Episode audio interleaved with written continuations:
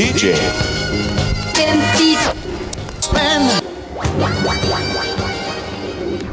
Ja, visst, DJ 50 spänn eller Golden Oldies från vinylskivornas skärseld. Idag blir det ganska mycket av det klassiska 10 kronors vinylsoundet kan jag lova. Och det beror inte på mig, för jag väljer aldrig musiken i DJ 50 spänn. Det gör gästen och i viss mån skivbörsguden, men mest gästen som alltså får 50 spänn av mig att köpa fem vinylskivor för på en loppmarknad eller skivbörs. Och eh, den här 50-lappen ger jag nu till DJ Sandy. Tack så mycket. Vilken fin vikt 50-lapp jag Ja, fick. ja, den var inte riktigt i mint condition, men vad gör det? Det är inte så mycket mint condition i det här programmet. Nej, Det är härligt att ha dig här. Va, va, vad är din musik? DJ Sandys musik, det är mycket soulmusik. Ja. Jag är fast i soul-vinylträsket. Kanske lite past Diana Ross-eran, men jag har hittat till den obskyra Northern Soulen. Du är en sån som gillar jätte, jättedyra singlar alltså. Jag gillar, de ligger i min wishlist, men få har jag. Du är precis som jag baserad i Stockholm, eller hur? Yes. Var brukar man kunna höra dig spela? Man brukar kunna höra mig spela på lite olika barer, lite hotellobbys. Mm. Nej, det där lät fel. Jag, jag är helt för bar-DJs och hotellobby-DJs. Jag, jag vet att en del ser ner på det. Jag vet inte om det någonsin har, har drabbat dig på något sätt.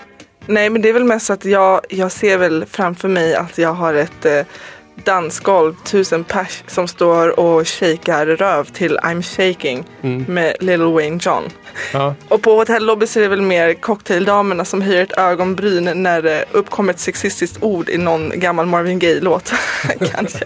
Händer det? Nej, men, men eh, absolut, jag, vill, jag, jag tycker också om det. Jag tycker det är väldigt mysigt. Och eh, jag gillar att man får chansen att spela inte bara de här dansklassikerna. För jag har märkt att spelar man inte dem, då tappar man lätt publik. Och i en eh, bar så kommer du undan med att spela någonting mer smooth. Det gillar jag. Jag gillar det smootha. Men jag tycker också att som bar-DJ så verkar det som att man kan ta mer chanser och spela liksom så här lite knasigare saker då och då om att komma undan med det. Absolut, det Alltså, brukar jag göra. Bar-DJen borde få medalj oftare för att den vidgar fler musikaliska horisonter än vad till exempel en dansgolvs-DJ kanske gör.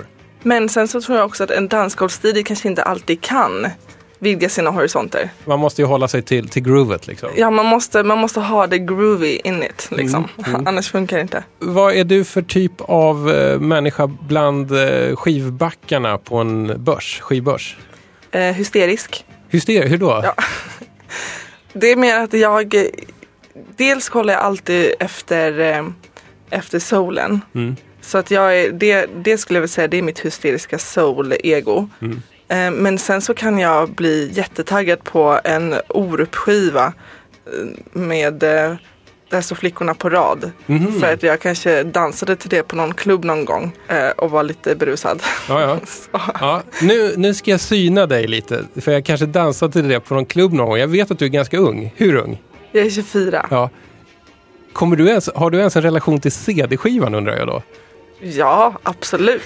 Och jag måste, där i den CD-skivsvängen Mm. så kom ju min första MP3 där jag var tonåring. Ja. Och jag minns när jag fick den här första MP3 och det var en sån här liten rund grej som man kunde bara swisha mellan låtarna. Och det var en ganska dyr grej på den tiden. Nu finns det typ inte ens MP3 längre. Alltså spelaren, den är ju stendöd känns det som. Ja, men helt CD-spelaren ska vi inte prata om. Mm. Men då var jag så stolt över att jag klarade på min PC att lägga över musik på min, min lilla MP3-spelare. Och eh, då brukade jag lägga in lite Kelly Clarkson blandat med typ Gary Moore.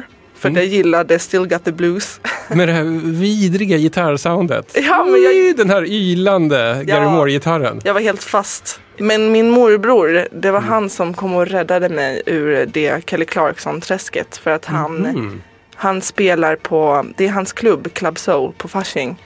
Så att han har spelat där i över 20 år. De firade 20 år nu senast. Mhm. Så, vadå, så du, du är liksom brorsdotter till... Har systerdotter till Robert Mount. Och så han, han, han fick se då, när jag stolt kommer fram till honom, måste tilläggas, stolt och lycklig och visar upp min kollektion som jag har på min mp3-spelare. Och han, det första han gör är att skaka på huvudet och bara herregud vad är det här för skit? Och han, han var ju mer tekniskt kunnig än vad jag var när jag var 13. Men då la han över han, var ganska mild mot mig i början. Mycket Jackson 5, mycket Aretha Franklin. Mycket saker som man kanske är likable. Inte sån här acid jazz från typ eh, 60-talet. Så, och då, då, det var då jag var fast. Så, så han har, han har liksom hjärntvättat dig till att bli soulgalning? Ja. Ja, ja. Tack. man, Tack, kan, Robert. Man, man kan ha sämre äh, vet du, morbröder. Ja. Men du, vilken var den första vinylskivan som du köpte? Det var säkert någon Four Tops eh, skiva eller Earth, Wind and Fire skiva. Mm. Säkert Four Tops för jag var helt eh, såld på Four Tops ett tag. Och eh, när jag köpte mina första vinyler då bodde jag i Hamburg. Och eh, då var det många loppisar där och mycket sådana marknader. Och Hamburg och Tyskland generellt är mycket elektro. Så att jag fick ju första king på mycket. Ska vi gå loss på dina fem eh, skivor nu då? Yes, let's do it. Förresten, var köpte du dem? Jag köpte dem på Mickes. Ja, klassiskt vid det här laget. Classic. Det är många gäster som köper på Mickes. Men Mickes är också bra till hands för jag bor runt hörnet. Sen är det också faktiskt en, måste jag säga, det måste ju vara en av Sveriges bästa 10 kronors eh, vinylavdelningar. Man hittar alltid någonting. Ja, och det var som du sa, det var mycket Lill Lindfors där. Ja, jo. Eh, men, och jag stod på huk för att eh, rota runt bland allt annat än det. Mm. Du, första kategorin för idag blir Skivbörsklassikern.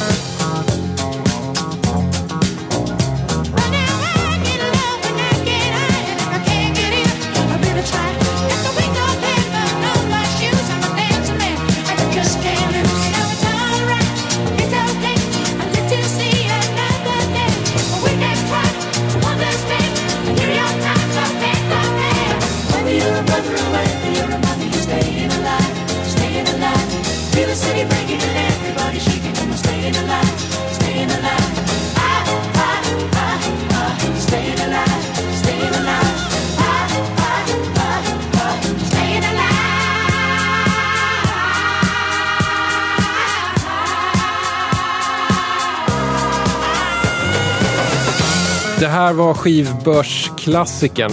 Frågan är om man ens behöver presentera låten, men take it away DJ Sandy. Det var ingen mindre än Bee Gees med Staying Alive. Ja, och här kommer luringen. Nu tänker alla Saturday Night Fever, Exactly. men Men istället eh, så har vi här framför oss ett omslag med John Travolta som ser ut som eh, Sylvester Stallone. Lite svettig med pannband, eller typ remmar som pannband. ja, det är liksom dansgolvs-Rambo vi ser här. Det var skitbra! Dansgolvsrambo. Eh, Men han, han har en liten intensiv blick och sen så är det i discobrinnande bokstäver Staying Alive. Just det. Alltså filmen som kom efter Saturday Night Fever. Precis, ganska långt efter, från 83. Mm. Och där är alltså låten Staying Alive med som en repris från Saturday Night Fever-soundtracket. Så ja, nu är man kanske lite förvirrad, men så var det i alla fall. Ja. Så lata var Bee Gees. Ja, och om man går in på, på den här filmen och läser om eh, alltså, storyn. Mm. Den är ju, han går ju vidare då, han, flyttar, han är 25 nu och han flyttar från Brooklyn och whatever, whatever. Eh, och sen Ja, jag så, tror att han jobbar som danslärare Ja. på Manhattan. Han har Ja, kommit upp sig. waitress va. Men, men eh, det är roligt för att eh, när jag läste på lite på, på nätet så vann han en award, eller han blev nominerad på för award som worst eh, actor för den här filmen. Och det är många kritiker som har sagt quote It lacked the heart eh, om den här filmen. Så att jag tror Ja. att den här filmen blev inte alls lika well received. Så den här vann alltså en, en sån här Razzie, eller vad det heter. Yes. Har du sett filmen? Eh, ja, det har jag. Men det var jättelänge sedan nu. Det är Ja. ingen film som jag har valt att se om. Det, jag vet att 1983 så kom det ju en annan dansfilm som jag tror sopade mattan med den här. Flashdance. Som Mm. Den är har man ju sett Ja. antal gånger. ändå en okej film. Och där är det också att, att hon har inte riktigt kommit upp sig än utan hon är svetsare. Det, men jag gillade också att, att han, det blir lite som ett desperat försök att återuppliva den här gloryn som de faktiskt eh, fick med eh, Saturday Night Fever.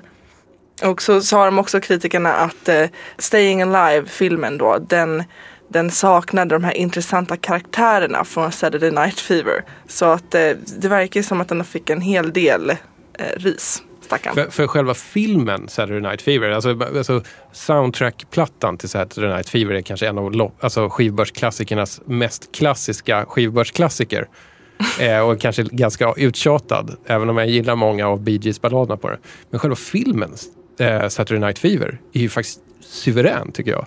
Det, det är så jäkla mycket så här working class hero, weekend warrior, han jobbar i en färgaffär och så här, du vet, uttrycker sig på dansgolvet.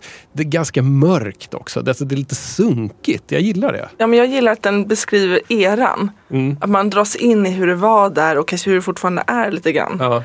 Lite trivia här är att eh, på den här plattan så finns det ju flera låtar av Frank Stallone.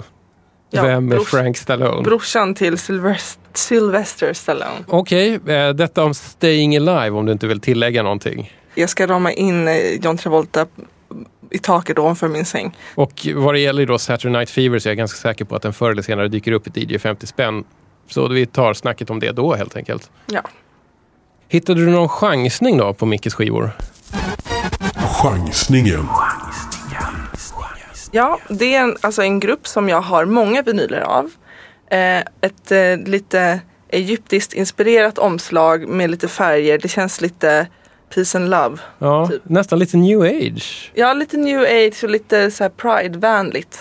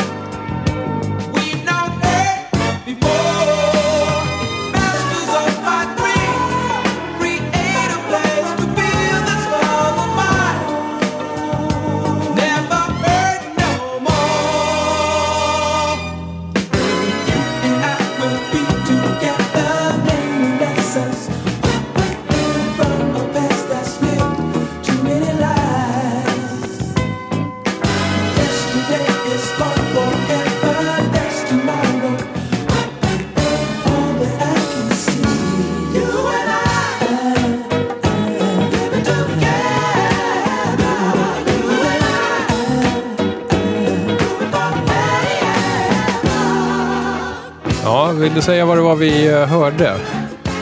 Ja, vi hörde låten You and I från albumet I am med Earth, Wind and Fire. Din chansning alltså?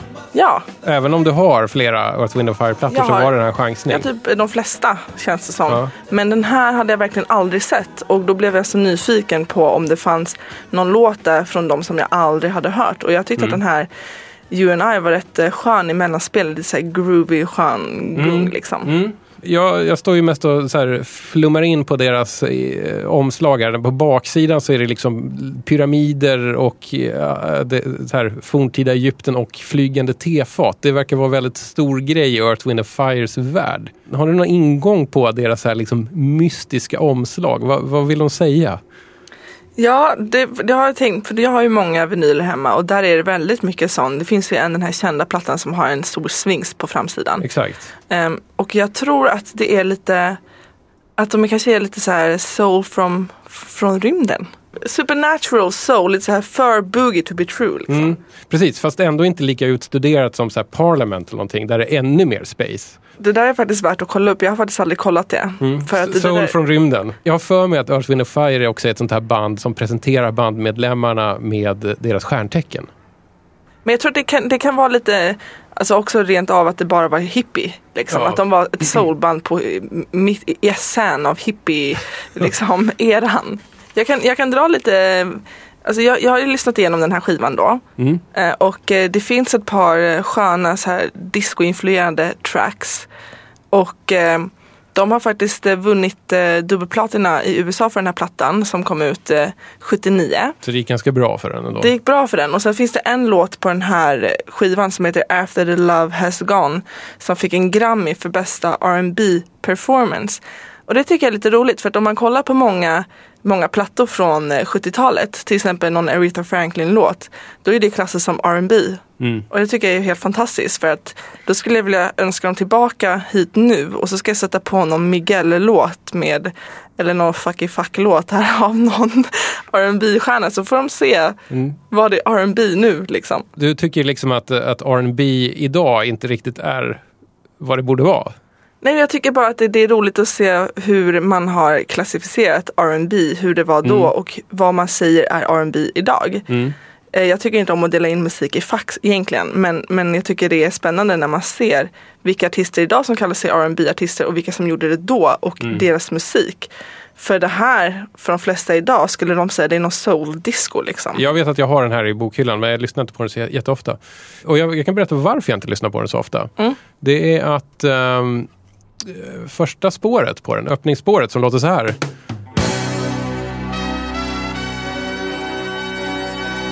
Det, det får mig att tänka på ett gammalt SVT-humorprogram med sketcher som heter Lorry. Ja, Den började med det här och var liksom, det låter som ja. ett nyhetsprogram. ja, lite så. Trumpeterna är väldigt nyhetiga här. Ja, och nu kommer vädret. Du fattar att det, det, har, det har liksom... eh, Ja men det pajar lite ja, där. det är inte Earth, Wind Fires fel. Nej. Men eh, det har, det har pajat lite för mig. Men sen Boogie Wonderland är fortfarande lite rolig Mm. eh, klockan tre på natten. Då, då gillar man ju den låten. Mm. Min favoritlåt med Earth, Wind Fire måste nog ändå vara, eh, vad heter den? Let's Groove. Ja. Eller Let's Groove Tonight. För Let's det, groove tonight. Ja, men den, den är har- skitbra. ja, Den, den har jag skön på, liten robot, lite robotsång i början också. Ja. Vocoder där. Det är all- Ja, det är fel. lite Daft Punk Previous Life typ. Ja, men exakt. Ja. Daft Punk med pyramider. Ja. Daft Punk är också inne på pyramider. Ja, men de, har, de, de känns lite Earth, Wind and fun, Mm. eh, fire, Fireiga. Jag kan bara nämna det som, som så här, helt onödigt vetande att jag köper alla skivor som har pyramider eller rymdskepp på, på sig som jag hittar.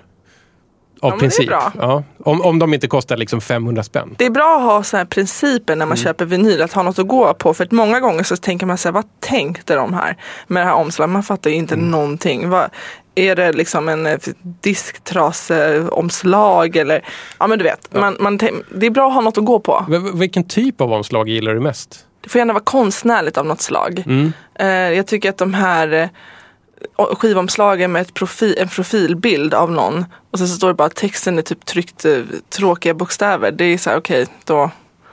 Man vill ju bli intresserad av skivomslaget. Mm. Det första intrycket är det viktigaste. Ja, alltid. Bra att vi kom in på det här för eh, nu kommer det ju faktiskt en skiva med ett rätt så intressant omslag. Ja, det här blev ju då min... eh, Random Access Vinyl. Och det här var faktiskt en av de första vinylerna som jag tog i handen som jag kände så här. Mm, det här kan vara något.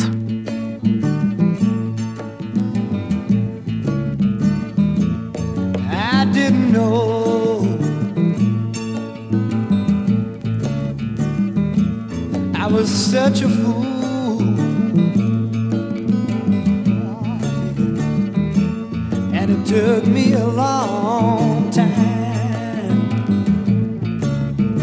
just to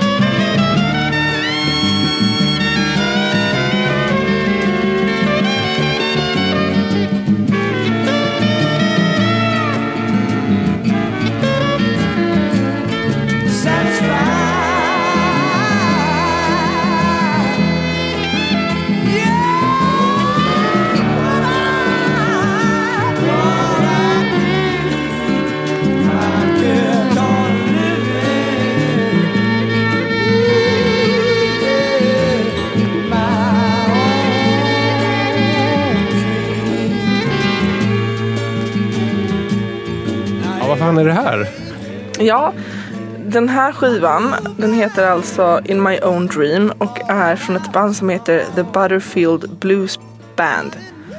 Från 1968 har vi lyckats se.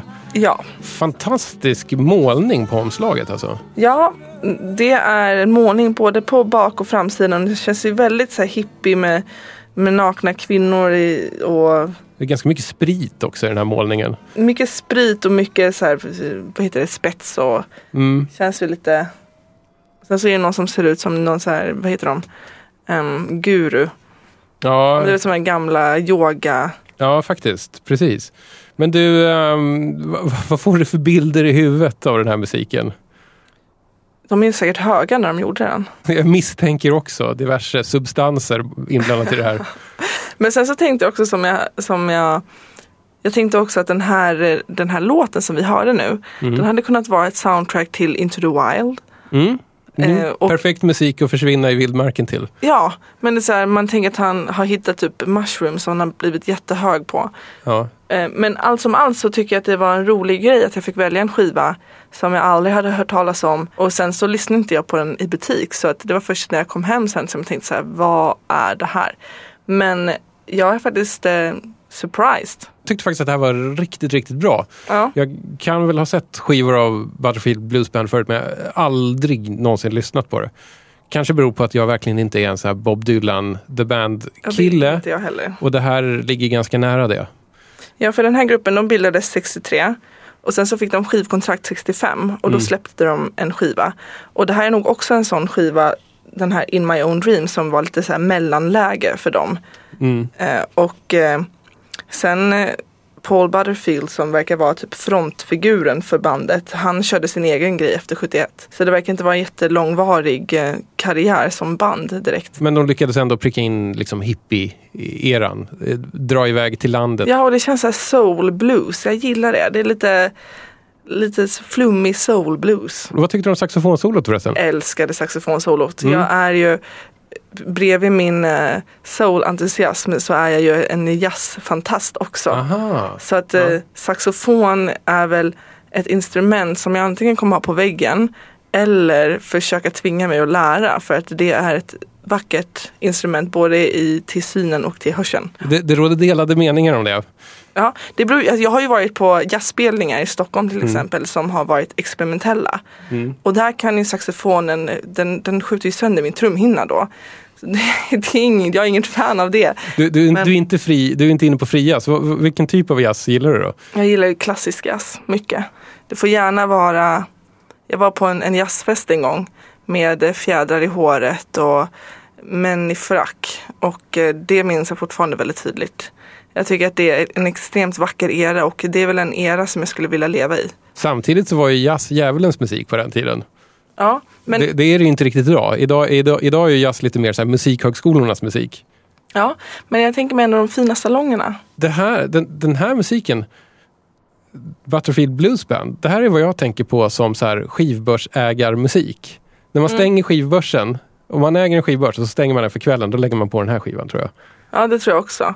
Det är väl typ, eh, kom ner i varv, bli hög utan att ta in substanser. Ja, men precis. Och så kan man så här notera, så bara, just det, Al Cooper spelar ju orgel på den här plattan på två spår. Ja, jag, jag kan tänka mig att det är lite så här, man är lite småförtjust i den här, absolut. Ja. Då har det blivit dags för Nostalgiköpet. en monoskiva minsann. Ska vi lyssna på en gång och så pratar vi om det sen? Ja.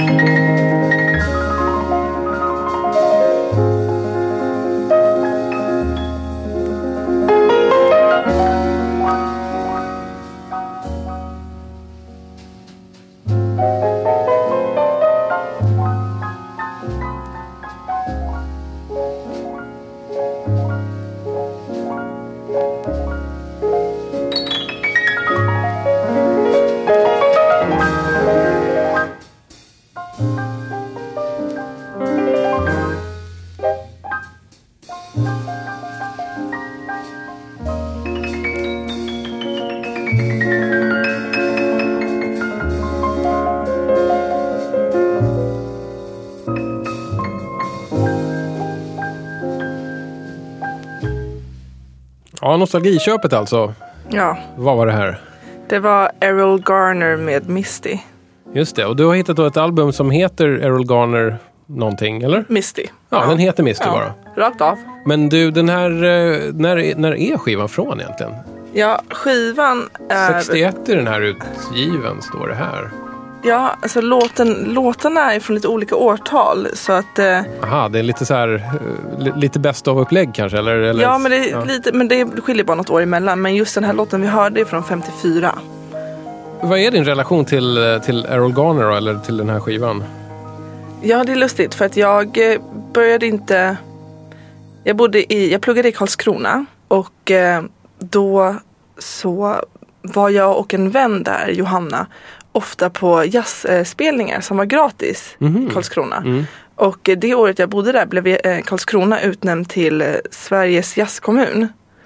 Så att Jag visste inte ens att det fanns en sån utnämning. Men, det finns, ja, det ja. finns. Eh, och då, jag pluggade väldigt mycket och man var väldigt liksom så här spänd hela tiden. Så att jazzen var en stor räddare i nöden under den tiden. Och jag och Johanna hittade till jazzen tillsammans lite grann. Och det ligger väldigt, jag har alltid gillat jazz men aldrig riktigt lyssnat på det intensivt. Och eh, man fick väl tillfälle att eh, ta lite powernaps under de spelningarna också.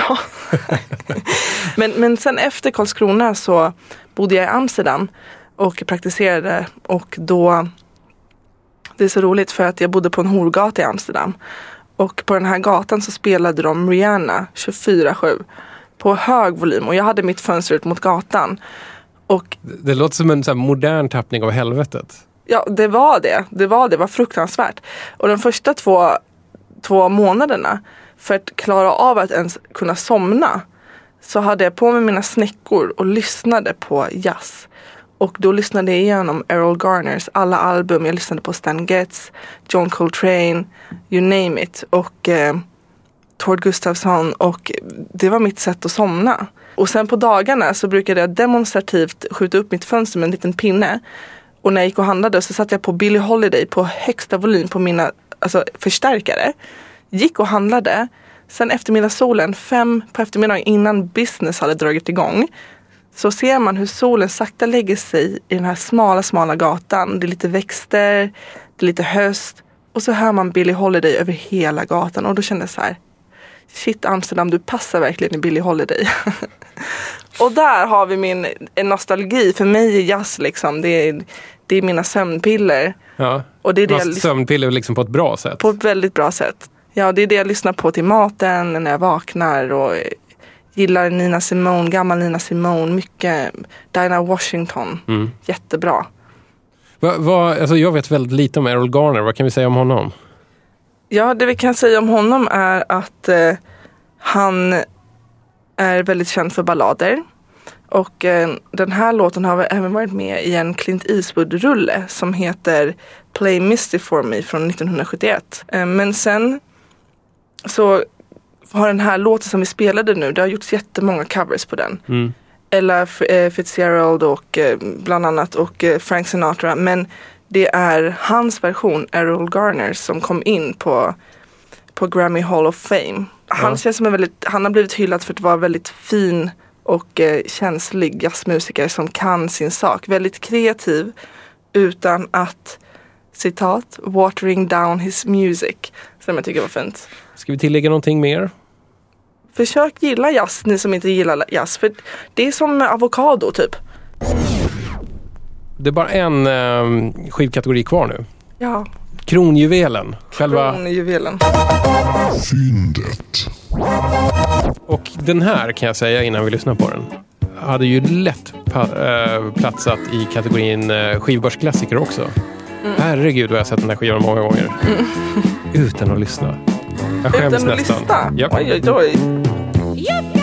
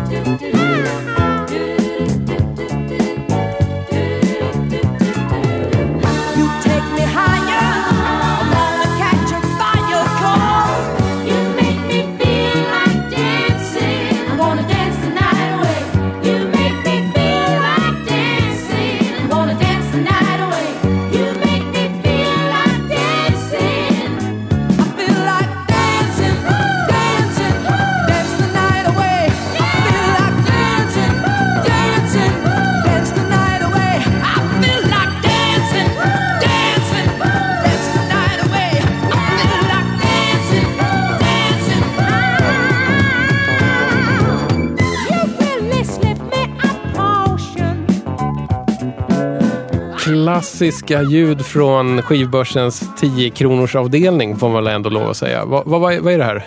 Det var Leo Sayer med You Make Me Feel Like Dancing. Just det, från en, en, en eh, samlingsplatta va? En sån här best of. The very best of. Ja, the very Yeah. best of. Det är inte bara, Nej, inte bara inte the best of, the very best Ja. of. men mycket att välja på där. Jag sa innan att jag inte har lyssnat på Sayer. Alltså jag har ju hört honom, jag har hört den här Mm. låten, men jag har liksom aldrig fått för mig att liksom plocka med mig en Leo Sayer-platta hem. Inte ens för 10 spänn. Inte ens för 10 spänn faktiskt. Eh, men eh, du får väl berätta lite, varför är det här fyndet för dig? Det var min morbror Robert Baum Mm. som ju kör på Club Soul. Mm. Och eh, han hade en lista på Spotify där den här fanns med. Mhm. Och jag lyssnade igenom den listan och kände att jag fastnade för den här låten direkt. För den känns lagom groovy. Jag har sänt ett radioprogram på Radio Skanstull som heter Groovy Tracks. Ja. Så för mig så symboliserar den här låten lite för hur jag går ner för stan. Som John Travolta. Lite så här groovy liksom. Eh, och så när jag hittade den här skivan, jag faktiskt tänkt på att jag skulle kolla efter den på nätet. Mm. Bara just den här låten. Eh, så när jag hittade The Very Best Off så tänkte jag så att det måste ju finnas med på den här eh, skivan. Och mycket riktigt. Ja, men däremot måste jag också säga att första spåret innan den här låten, When I Need You, det är en sån här klassisk Lugna Favoriten äcklig låt. Så man är så här, då byter man kanal. Eh, Så det är mycket så här töntiga ballader som jag inte alls gillar. Så fyndet för mig är ju den här låten. Ja, just det. Men, men även Leo fick, fick till det ibland. Ja, skivan är lite så här spretig för att man inte riktigt förstår vad det är han, liksom vilken genre han tillhör. Ja, men då fick jag ju det mesta besvarat där. Ja, men jag, kan, jag kan lägga till en sak. Ja, Och det är att den här låten, den fick faktiskt en Grammy för bästa Rhythm and Blues Song 1977. Du ser, det här är också rhythm and blues. Mean? Du är helt enkelt svag för rhythm and blues som rhythm and blues var på 70-talet. Ja, det finns ju lite sånt nu Mm. också. Allt som man kan gå ner i knäna på och dansa till. Men det, det, det som är roligt med det här, att vi hörde, för några låtar sedan så var det Bee Gees. Här sjunger ju eh, Leo Sayer som att han är en av Bee Gees. Mm. Det är liksom samma så här, liksom lite så här falsett med lite skrap i. Ja, och han gör inte det på så många av hans andra låtar på den här skivan. Då är det lite så smörsångt och han sjunger ganska mycket med bas i rösten. Vä- Men, men sen också som, som vi konstaterade under låten att eh, många av de här låtarna på skivan de verkar bara vara inom ett decennium. Ja, så man undrar ju var han har tagit vägen. Ja, Jag har faktiskt ingen aning. Eh, alltså, för jag tänkte att jag skulle fråga dig, vem är Leo Sayer? Ja men tydligen, han är ju en entertainer också. Mhm. Och det, han var ju mycket så här spexclown. Mm. Hans, bara hans omslag, han är lite tokig för att han, på omslaget är det en bild på en dörr som är upp och nervänd och jackan är också då upp och nerhängd. Och sen så står han och sparkar bakut med en så här konstig typ eh, döndel från Österrike med manchester utsvängda jeans och ser lite tokig ut. Mm. Han, han- han, han bor liksom i lägenhetens tak kan man säga. Det är hans golv. Men vi kanske kan fråga honom du för han är bara 66 år gammal. Lever han fortfarande? Yes. Alive and kicking. En sak som jag gör att jag liksom instinktivt ändå gillar honom är att han har ju liksom en, en så här, eh, vad ska vi kalla det, en vit mans afro. Eller kanske till och med en jufro som det kallas ibland. Jag, jag älskar den frisyren. Alltså en mikrofonfrilla fast på, liksom på någon som är vit. Kanske vi kan spela bara en liten kort snutt av den här When I Need You så att folk vet vilken det är. Det är Ja. första låten. Vi gör det.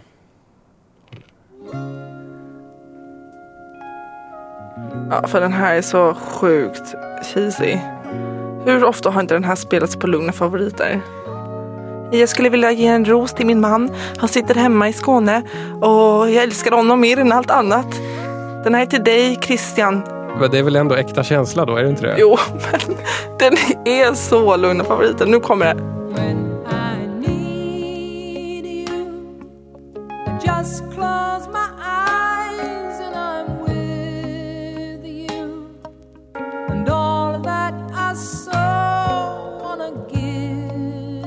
Ja, man, man, man fattar ju grejen. Det är tryckare där. Lite mysigt och, och också liksom ändå i soundet lite grann av en parallell till de här balladerna på eh, Saturday Night Fever soundtracket du snackade om. Inte helt olikt. Ändå. Nej, En lugn favorit ja, en lugn favorit. för vissa. Nu är det så här att det börjar närma sig slutet av DJ 50 spänn. Är du liksom med på vad som händer i slutet på varje DJ 50 spänn? Jag har blivit lite förvarnad. Det är dags för eh, det tyska partysoundet. Jag är tysk, har jag sagt det? Nej? Jag har pratat med min kompis Marie ofta om det här. Ja. Eh, jag är ju född i Stockholm, Mm. men Eh, jag, har, jag är inte svensk medborgare så att jag är tysk medborgare och såg här redan när jag spanade in de här skivorna att det är en hel del tyska låtar på så det tycker jag är trevligt. Jag har oftast valt liksom kända engelska eller amerikanska låtar. Men då, då kör vi lite tyskt den här gången. Ja, till, till DJ Sandys ära. Här har vi. Han ser ju ut som en tysk också. Ja, han ser väldigt tysk ut. Tycker du att jag ser tysk ut? Eh, Det är, så, alltså, det är så svårt att säga. Ja. Då så, DJ Sandy. Hur kändes det att shoppa på beställning på det här sättet? Eh, Och bara få dra ur de billiga backarna? Ja, jag gillar billigt. Ja? Gillar du billig musik? Ja, tysk, jag gillar Lidl. Det, det är tysken i dig som Det gillar... är tysken i mig som gillar att stå på alla fyra tänkte jag säga. Det låter jättefel. Nej, det, det jag tänkte säga det är, det är tysken i mig som gillar att rota i billigbackarna. Mm. För man kan faktiskt göra fynd. Det enda man måste ha det är tid. För det tar lite tid och det är lite jobbigt och man blir lite smutsig så Mm. Ja, här. det är en uthållighetssport. Ja, det är det. Då så, dags för lite tyska beats på riktigt med eh, DJ 50 spänns skyddshelgon Sankt James Last. Mm, han ser ut som ett skyddshelgon också.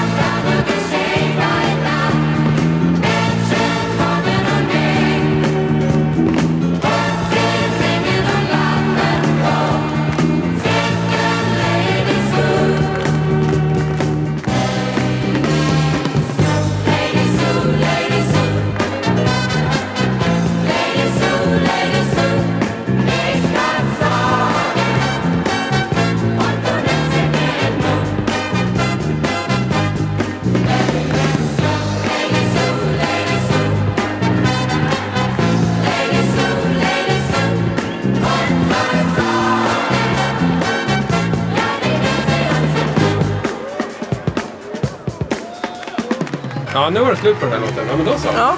Då är vi klara då.